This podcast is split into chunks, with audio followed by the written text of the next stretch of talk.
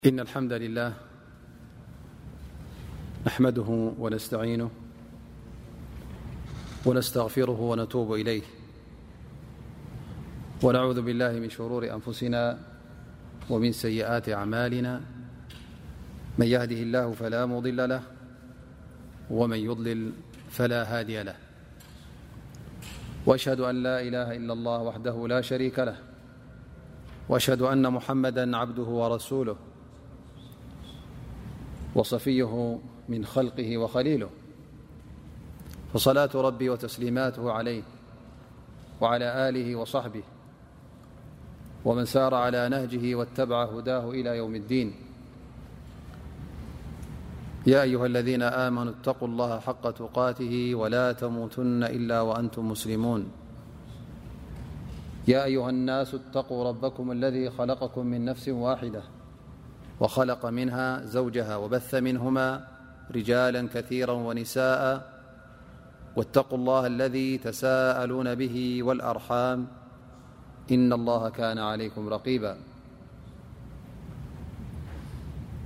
بعد ففإن أصدق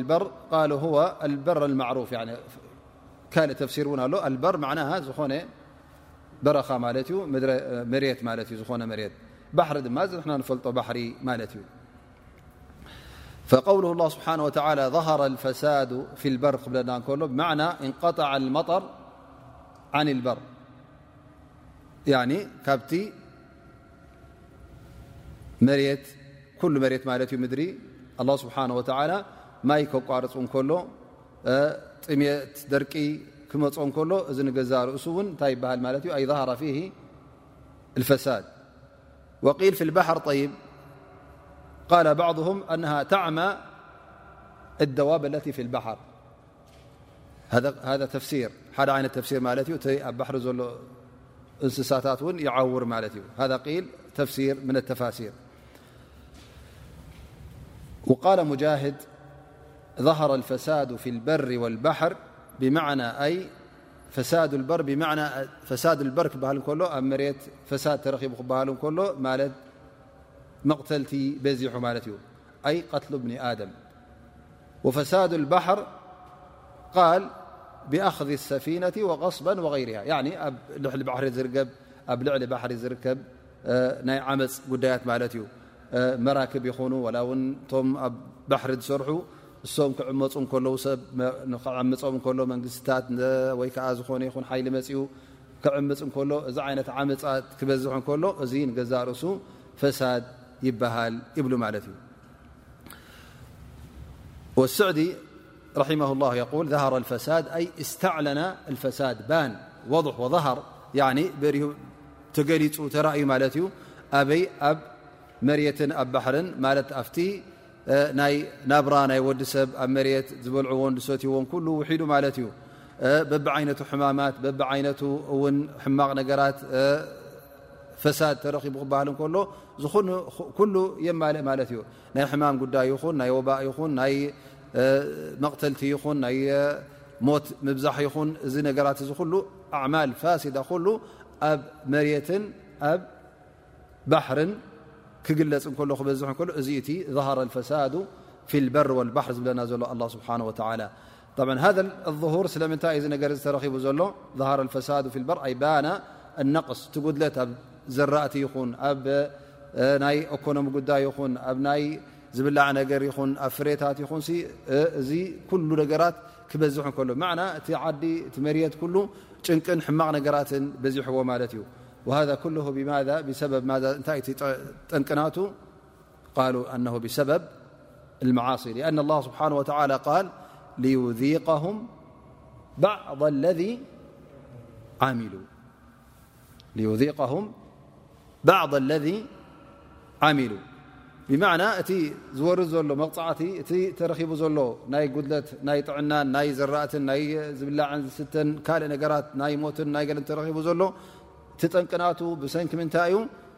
ሰንኪ በእዳውካ ትገብሮ ዘለኻ እቲ ትገብርዎ ዘለኹም ብዘንብታትኩም እዩ ዝብለና ዘሎ ኣ ስብሓ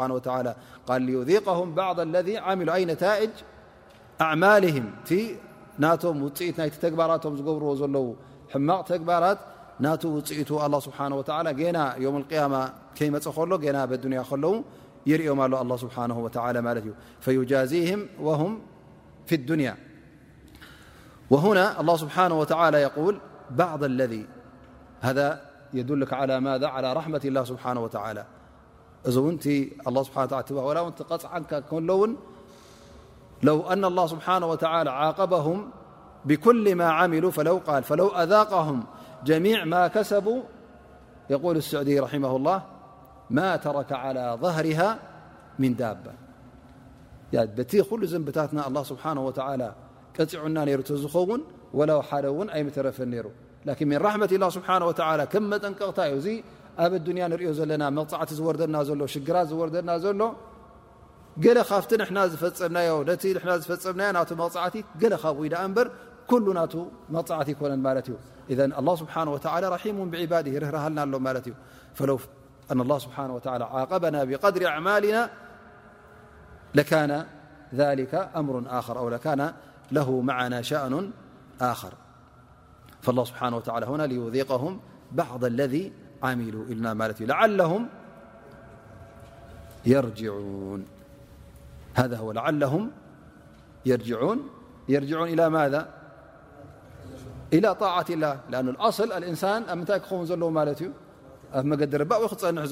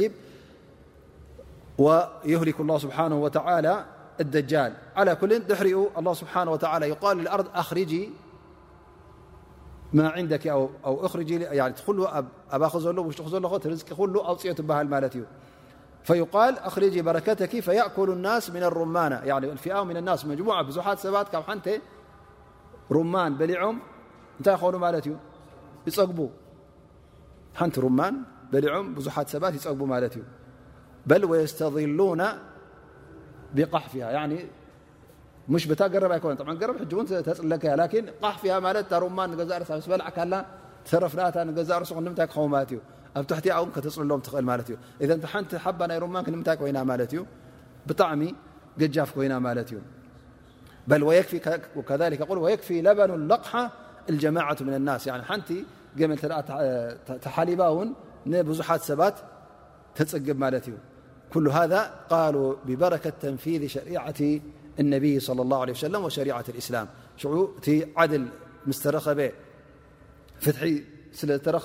برك ر فتكثر البركات لذلك في الحديث الفاجر إذا مات تستريح منه العباد والبلاد والشجر والدواب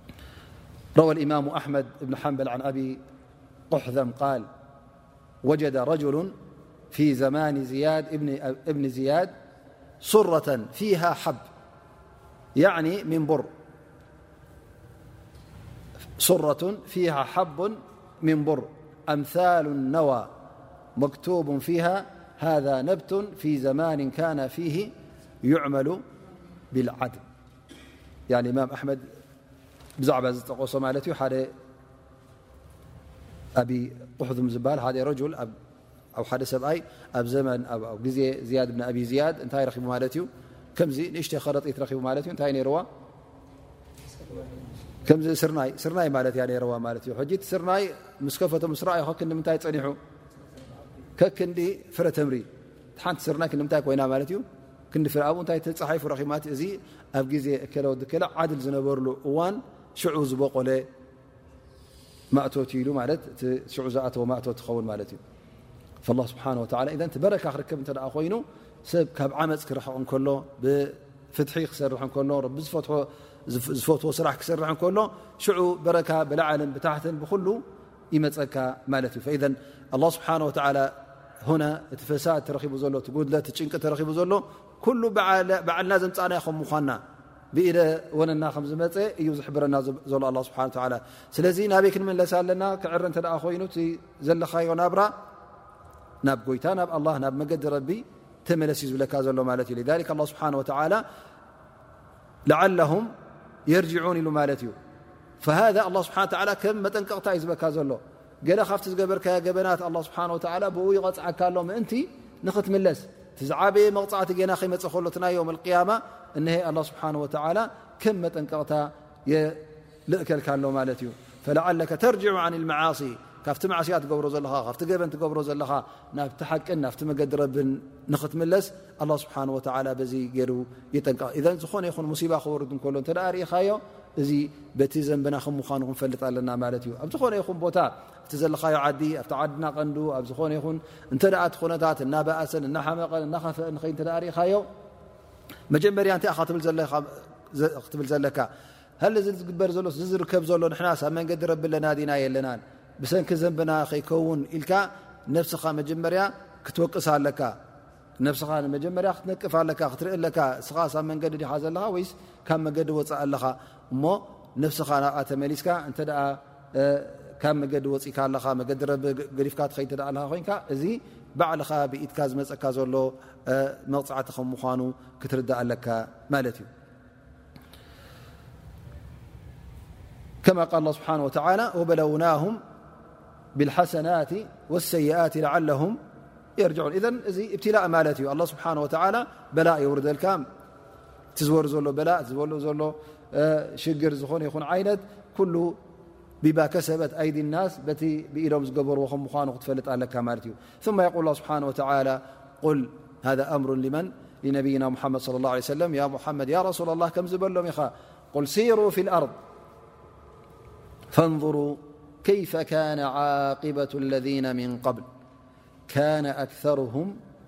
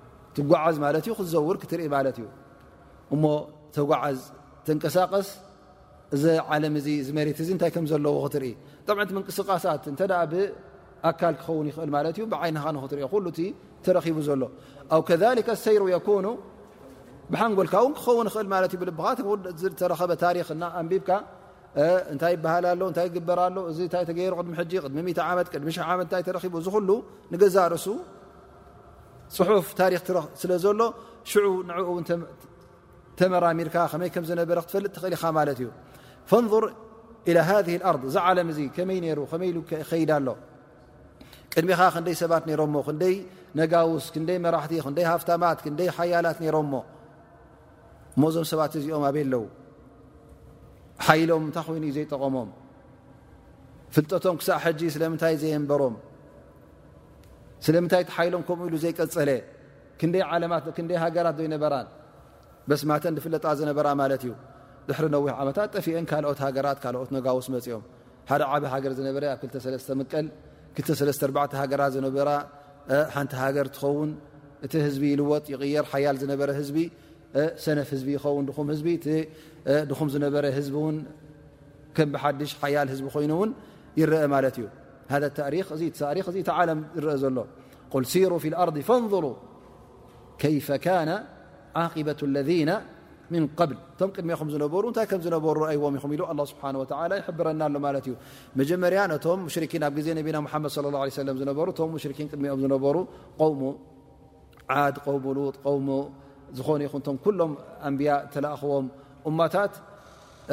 ብዛዕኦም ኩሉ ይፈልጥዎ እዮም ሮም ይሰምዕዎ እዮም ሮም ማለት ዩ ታሪክ ውን ኣለዎም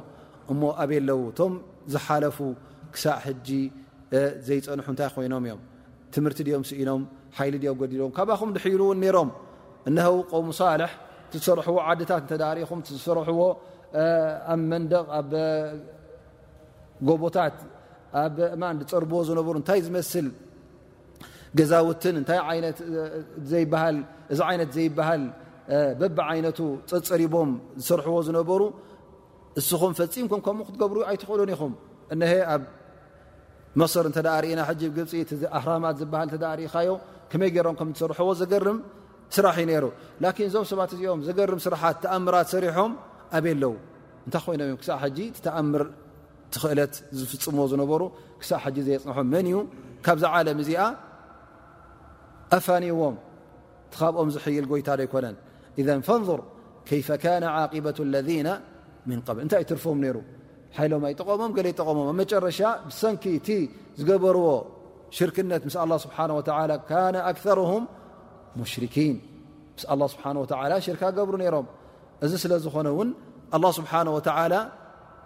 ክሓቲ ስለ ዝኾኑ ቅፅዕዎም ማለት እዩ ትናብረኦም ውን ክቕፅል ኣይከኣለን ተዓወቶም ቲ ሓይሎም ውን ኣይጠቐሞምን ኣብ መጨረሻ ኣላ ስብሓን ወተላ ንኹሎም ኣጥፍእዎም ማለት እዩ ላ ስብሓን ወተላ ካብ ታሪክ ንገዛእ ርእሲ ክንመሃር ቲ ቅድሜና ዘሎ ዝሓለፈ ናብኡ ኣላ ስብሓን ወተላ ይውጅሃና ኣሎ ማለት እዩ ካብቲ ተገበረ ጌጋታት ምእንቲ ክንእረም ክንጥንቀቕ መለበሚ ኣይግበርካ መለብም ውን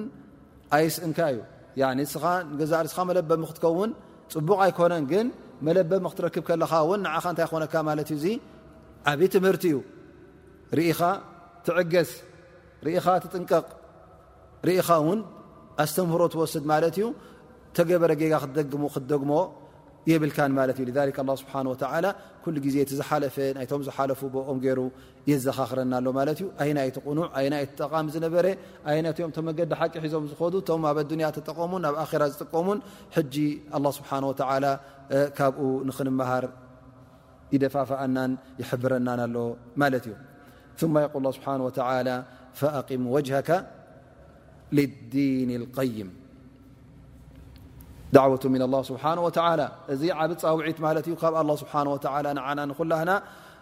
እቲ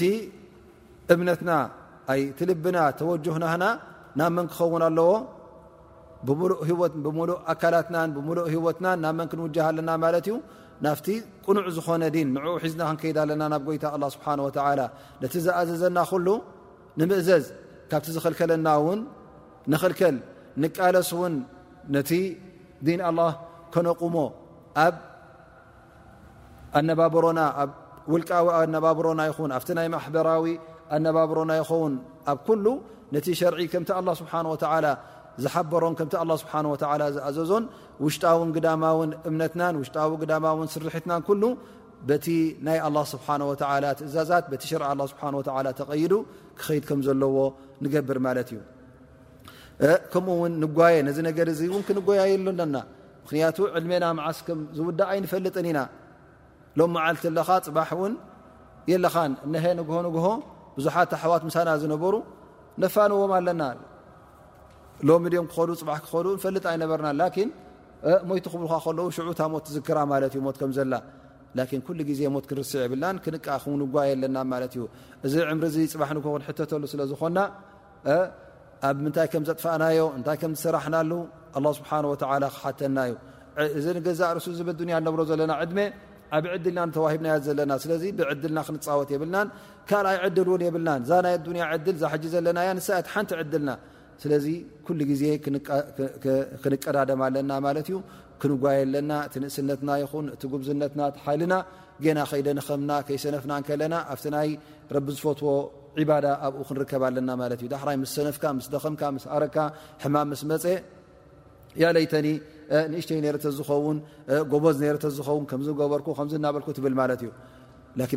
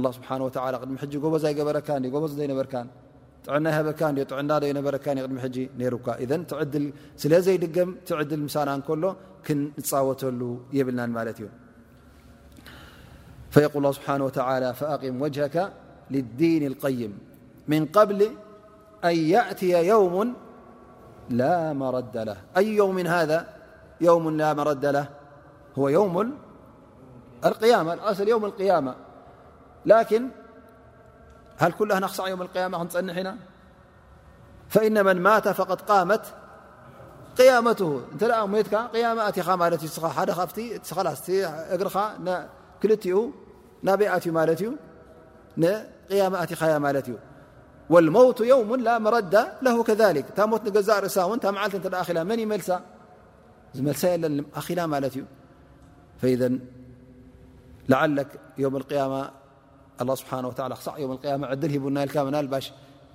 ነዛ ነብስኻ እዚኣ ንኸይተጠብራ እስኻ እታ ዕድልካ ክሳዕ መዓስ እያ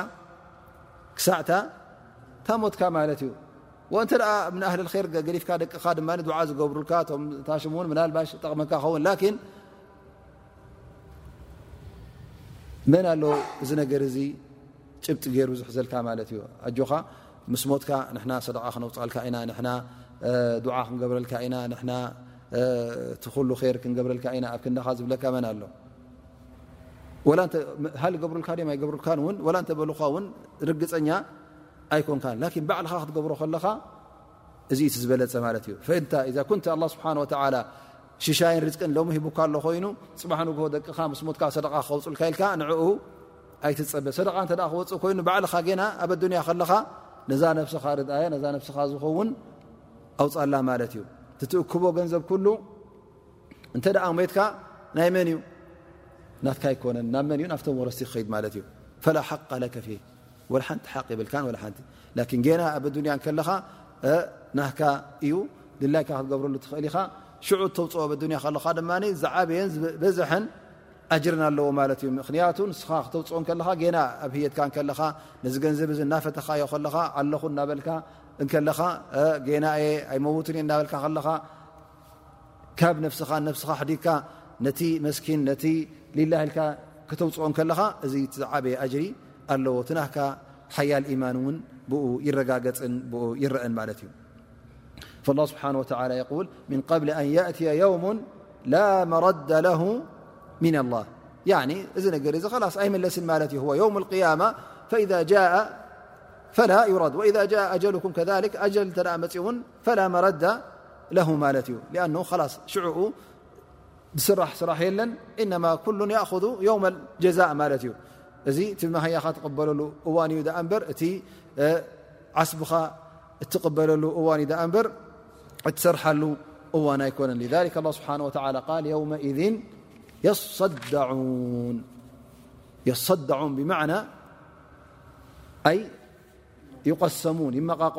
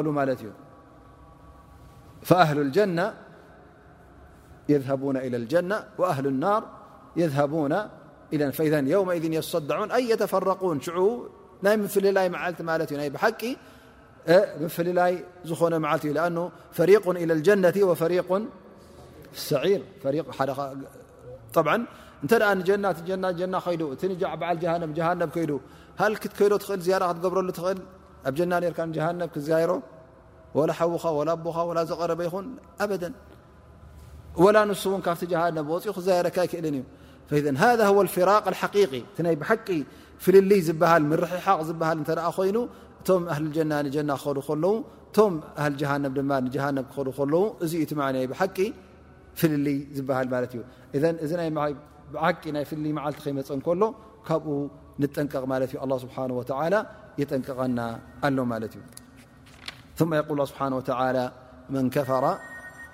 فعليه كفر ومن عمل صالحا فلأنفسهم يمهدون الله سبحنه وتعلى وዲ سብ لفنت م ك ዝኾن سي تقبر ل ن ዚ سني ንመን እዩ ኣላ ስብሓን ወተላ ካብኡ እንታይ ጠቕሚ ረክብ ዋላ ሓንቲ ይጥቀምን እዩ እንተ ደኣ ክሒድካ ኸ ንጎይታ ንኣላ ስብሓን ወተላ እንታይ ትጎድኦ ካብቲ ንግስነቱ ተጉድለሉ ሃል እዚ ኩሉ ኣብ ኣዱንያ ዘሎ ንጎይታ ንና ላስ ደሮ ሕጂ ኣይነምሊ ኮይና እተ ኢሉ ኣላ ስብሓን ወተላ ንግስነቱ ጎድሎ ኣማ መሊክ ኣዱንያ ናይ ኣዱንያ እተ ኮይኑ ትንጉስ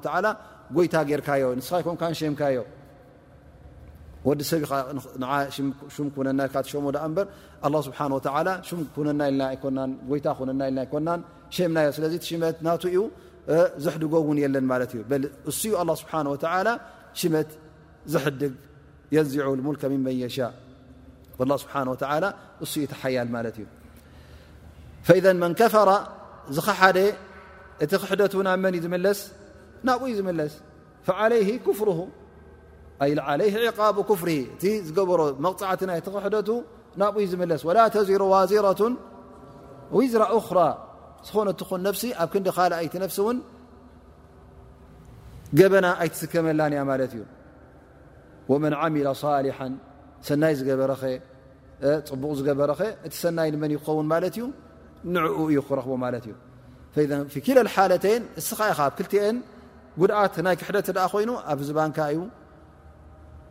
ሰናይ ናይ እምነት እተ ኮይኑ እውን ንዓኻ እዩ ስለዚ ኣንቱም ሰባት ሓላፍነት ናይ ነብስኹም ተሰከሙ ላ ስብሓን ወተላ ሰየስኣሉኩም ፅባሕ ንጎ ስለምንታይ ክሒድካ ኢሉ ኣላ ስብሓን ወተላ እውን ክሓተካ እዩ ምክንያቱ ናይ ክሕደትን ናይ እምነትን ክእለት ሂቡካ ማለት እዩ ወሃደይና እነጅደይን ስብሓ ወላ ዘይንኽእሎ ነገር ድማ ላ ዩከልፍ ላ ነፍሰ ኢላ ውስኣ ሓይልና ማት እዩ እዘን ማዕነ ዛሊክ ሳልሕ ንኽትከውን ኢማን ንኽትመርፅ መገዲ ረቢ ሒዝካ ንኽትከይድ እዚ ክእለት እዚ ኣላ ስብሓን ወተዓላ ሂቡካ ኣሎ ማለት እዩ ስለዚ እንተ ሓደ ሰብ ሕማቕ እናገበረ ሙንከር እናገበረ ከሎ እዚ ኣስጌጋ እያ ገበን ትገብር ኣለካ ክትብሎ ከለኻ ረቢ የህድየና ኢሉ ከም ምንታይ ወገብሮ ማለት እዩ እዙ ከም ሰበብ ገይሩ የምፃልካ ማለት እዩ ከም መናዕኻ የካትዓካ ከም መካትዒ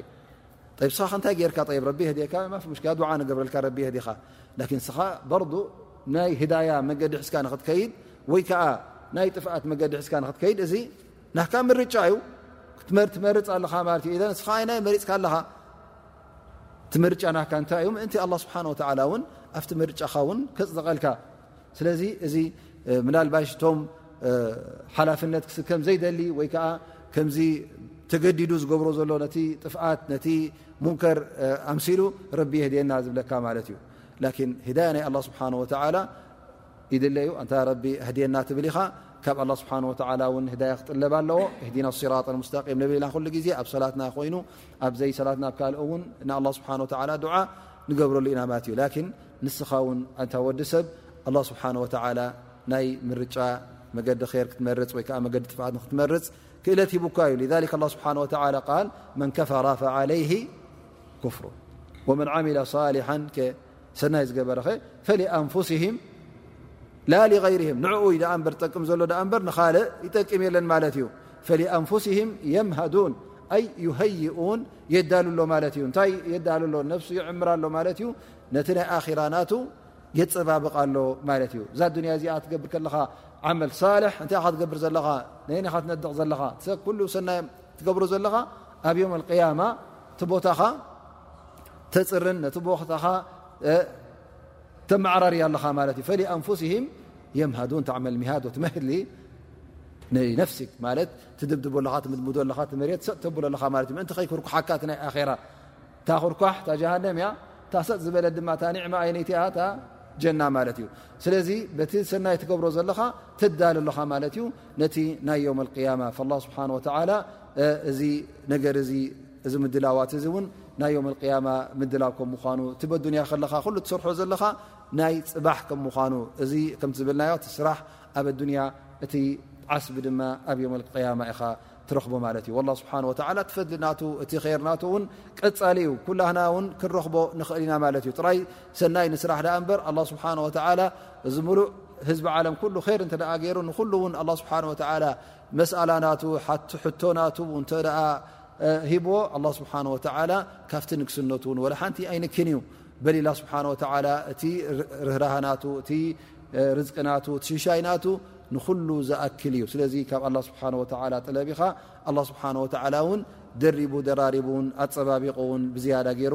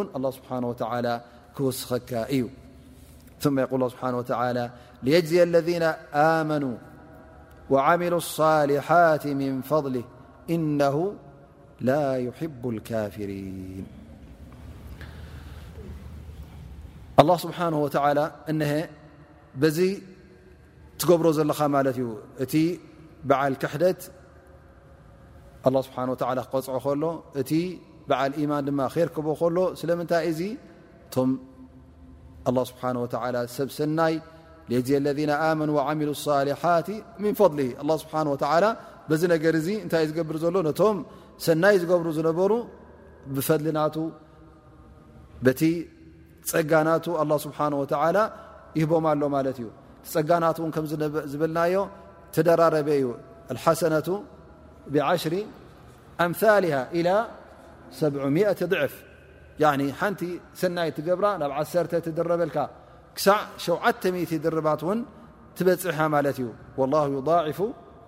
መን የሻ ፋ ምድርራብ ክርከብ ከሎ ውን ስብሓ ቀዳማነት እዚ ብና ድልት ዩ ዝገብሮ ኣብ ርእሲኡ ድማ ካብቲ ናካ ፅርትን ንፅህናን ካብ እክላስ ናካ ካብ ሰራርሓናት ካብኡ ተራእዩ እኻ ትደራረበልካ ማለት እዩ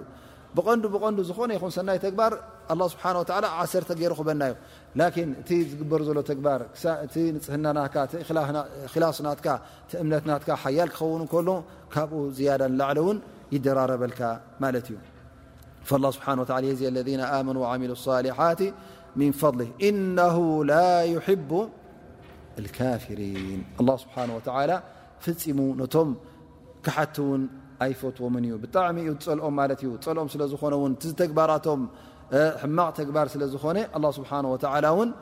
ክቐፅዖም ከም ምዃኑ የርእየና ኣሎ ማለት እዩ ስለዚ እቲ ካፍር እቲ ካሕደተኛ ኣላ ስብሓን ወተላ ኣይፈትዎን እዩ በላ ስብሓ ወላ ይሕቡ መን ይሕቡ ሙተቒን ኣላ ስብሓን ወተላ ነቶም ሙተቒን ነቶም ሰናይ ገበርቲ ንዕኦም ይፈትዎም ነቶም ክሓቲ ድማ ይፀልኦም ማለት እዩ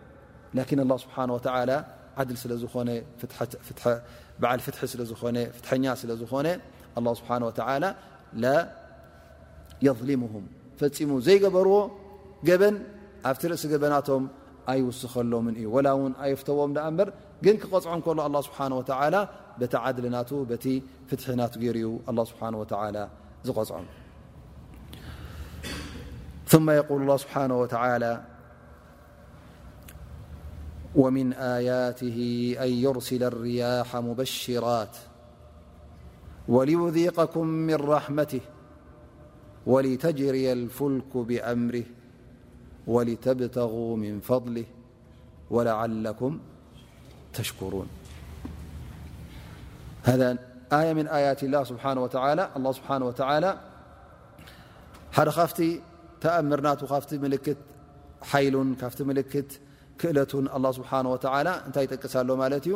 ኣን ዩርሲላ ኣርያሕ ንፋስ ክልእኽ እንከሎ ኣላ ስብሓን ወተዓላ እዚ ንፋስ እዚ ብዙሕ ራሕማ ሒዙ እዩ ዝመፅእ ማለት እዩ ሊኣኑ እዚ ንፋስ እዚ እንታይ ይስሕብ ማለት እዩ ምስኡ ደበና ክስሕብ እንከሎ ግመ ክስሕብ እንከሎ እንታይ ሒዙ መፅእ ማለት እዩ ማይ ሒዙ መፅእ ማለት እዩ እዚ ማይ እዚ ንገዛእ ርእሱ እንታይ እዩ ኸይሪ ንገዛእ ርእሱ ኣ ቃል ላ ስብሓን ወተላ ሙበሽራት ብስራት ዩ ንገዛእ ርእሱ እዚ ንፋስ እዚ ክነፍስ እንከሎ ማይ ሒዙ ስለ ዝመፅእ በቲ ነቲ ንፋስ እ ክመፅእ እንከሎ ኩሉ እቲ ሰብ ይብሰር ማለት እዩ ገና ከይወቕዖ ከሎ እቲ ማይ በቲ ግመ ክሪኦ ከሎ ተሳሒቡ ክመፅእ እንከሎ ማሻ ላ ተባረከላ ኢሉ ይብሰር ማለት እዩ ይሕገዝ ላ ስብሓን ወተላ የቁሉ ምን ኣያት ኣን ዩርሲለ ርያሕ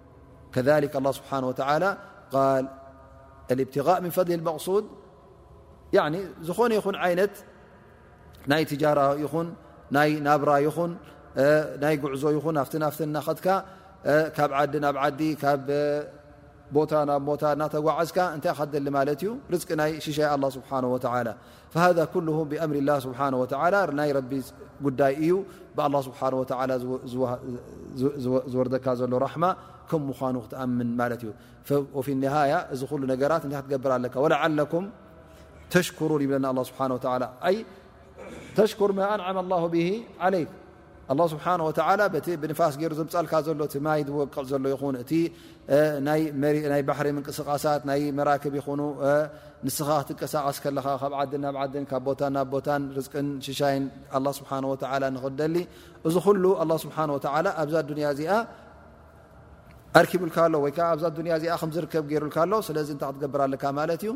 ን ጎይታ ን ኣላ ስብሓን ወተላ ከተመስግን ኣለካ ኣን ላ ስብሓ ላ ሰኸረ ለካ ኣስባብ ኩሉ እቲ ኣስባብ ናይ ናብራ ፅቡቕ ጌካ ንክትነብር ርዝቅኻ ንክትረክብ ሽሻይ ንክትረክብ ኣላ ስብሓ ወላ ጉዳይካ ንክቕፅል ኣላ ስብሓ ወላ ሰበብ ገይሩልካ ማለት እዩ እዘን እዚ ኩሉ ኣስባብ ካብ ገበረልካ ንስኻ እንታይ ክትገብር እዩ ዘለካ ማለት እዩ ነዚ ዒማ እዚ ብምንታይ ክትቅበሎ ኣለካ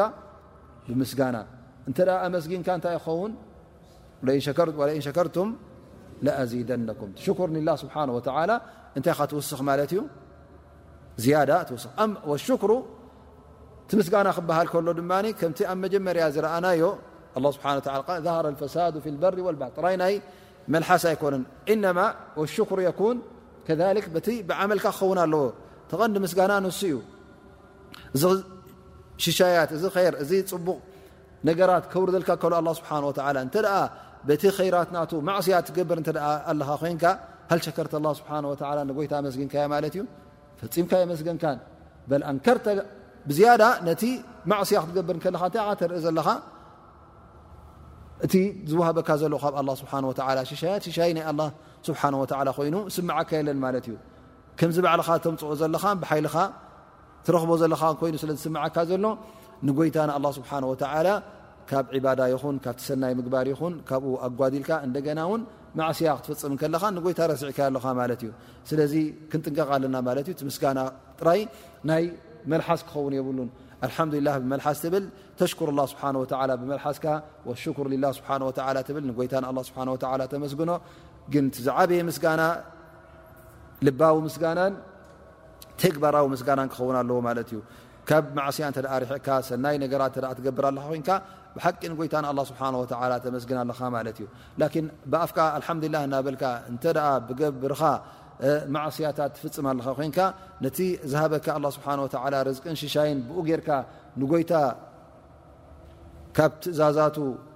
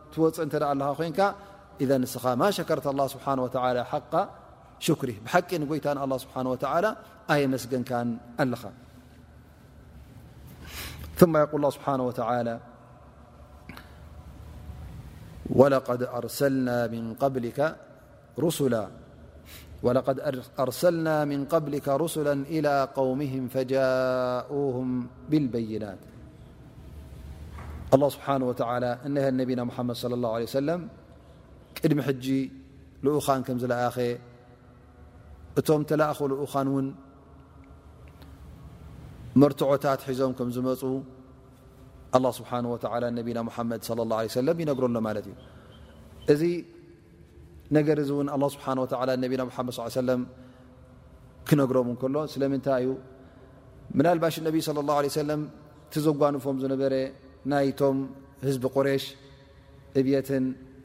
ፅልእን ዕንቅፋትን ዝገብርዎ ዝነበሩ እዚ ነገራት እዚ ተደጋጋሚ ክረኽብዎ ከለዉ ምእንቲ ሓድሽ ነገር ንኸይመስሎም ወይ ከዓ ፈፂሞም እዚ ህዝቢ እዚ ኣይኣምንን ኢሎም ምእንቲ ነቢ ስለ ላ ሰለም ተስፋ ንኸይቆርፁ ኣላ ስብሓን ወተላ በዛ ኣያታት እዚ ገይሩ ንነቢና ሓመድ ስ ሰለም የዘናግዖም የደዓዕሶም ነይሩ ማለት እዩ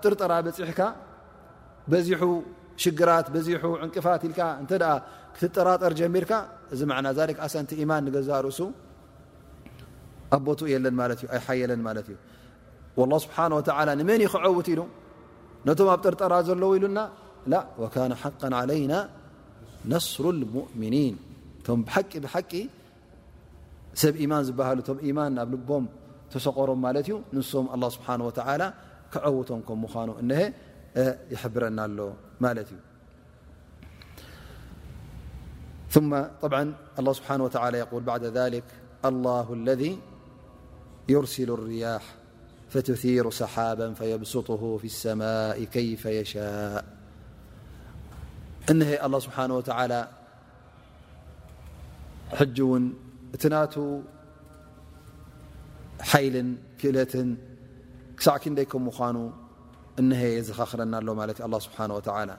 በቲ ሽሻያቱን በቲ ርዝቅን ናቱ እውን ኣላ ስብሓን ወተዓላ የዘኻኽረና ኣሎ ላ ስብሓን ወተላ ሁ ቃድር ንሱ እዩ ንበይኑ ኣለذ ዩርሲሉ ርያሕ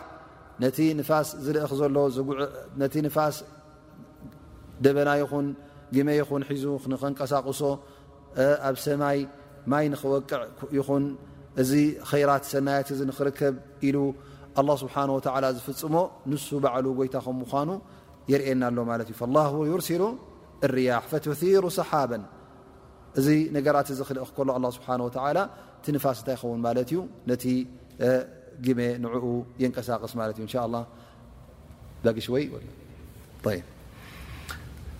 ስለዚ እዚ ንፋሳት እዚ እንተ ርእናዮ ርዝቅን ሽሻይን ሒዙ ዝመፅእ ዘሎ እዚ ንፋስ እዚ ነቲ ግመ ኣብ ሰማይ ኩሉ ይደባልቆ ማለት እዩ ፈ ኪሰፈን ኪሰፈን ክበሃል ከሎ ማለት ኣይ ጣዓን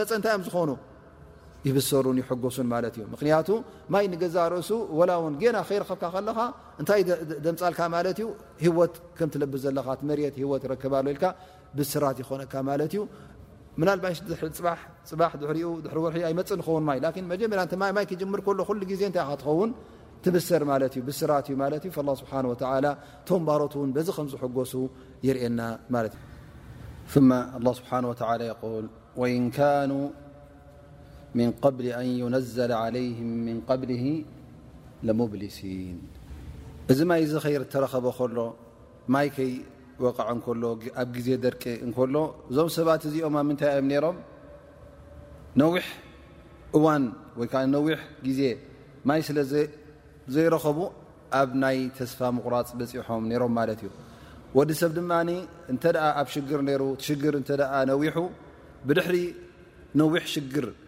ሽሻይ ርዝቂ ክረክብ እንከሎ እንታይ ዝኸውን ዝያዳ ይሕጎስ ማለት እዩ በቲ ናይ ኣላ ስብሓን ወተላ ሽሻይ ድማ ይፍለጦ ማለት እዩ ሊክ ኣላ ስብሓን ወተላ እዚ ነገር እዚ ምስ ምንታይ ኣስወፍ በዓ ሽደት ሓጃ እቲ ሓጃ ናካ ሓያል ክኸውን ከሎ እቲ ማይ ኣብ በድላይ እዋን ክትረኽቦ ከለኻ ኣብ ሽግር ነርካ ሽዑ ኣላ ስብሓን ወተላ ሽግርካሪኡ ንዕማን ሽሻይን ከውርደልካ ከሎ እንታይ ኻ ትኸም ተስፋ ኣብ ናይ ተስፋ ምቑራፅ በፅሕካ ነርካ ሕጂ ዝሻይ እዚ ኣብዚ እዋን እዚ ክትረኽቦ ከለኻ ክሳዕ ክንደይ ኻ ትሕጎስ ክሳዕ ክንደይ ኻ ትብሰር ማለት እዩ ላ ስብሓን ወተላ ምስኡ ገይሩ እቲ ታሕጓስ ኣበይ ናይ ደረጃ ከም ዝበፅሕ የርእየና ኣሎ ማለት እዩ ወን ካኑ ምን ብሊ ኣን ዩነዝላ ዓለይህም ምን ብሊ ለሙብሊሲን እዘ ኣላ ስብሓን ወተላ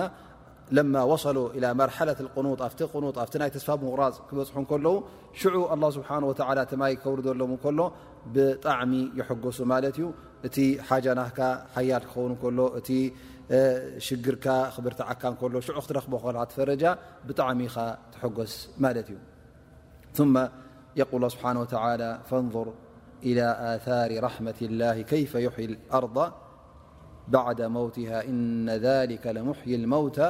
ወሁወ ዓላ ኩሉ ሸይእን ቐዲር ኣላ ስብሓን ወተዓላ ነዛ መሬት እዚኣ ሕጂ በቲ ራሕማ ናቱ በቲ ዘውረዶ ሽሻይ በቲ ማይ እንታይ ገብራ ማለት እዩ ካብቲ ዝነበረቶ ሞት ደርቂ ህየት ትለብስ ማለት እዩ ለምለም ትኸውን ኩሉ ነገራት እውን ይሓዊ ማለት እዩ እንስሳ ይኹን ሰብ ይኹን ኩሉ እንታይ ኸውን እዛ መሬት እዚኣ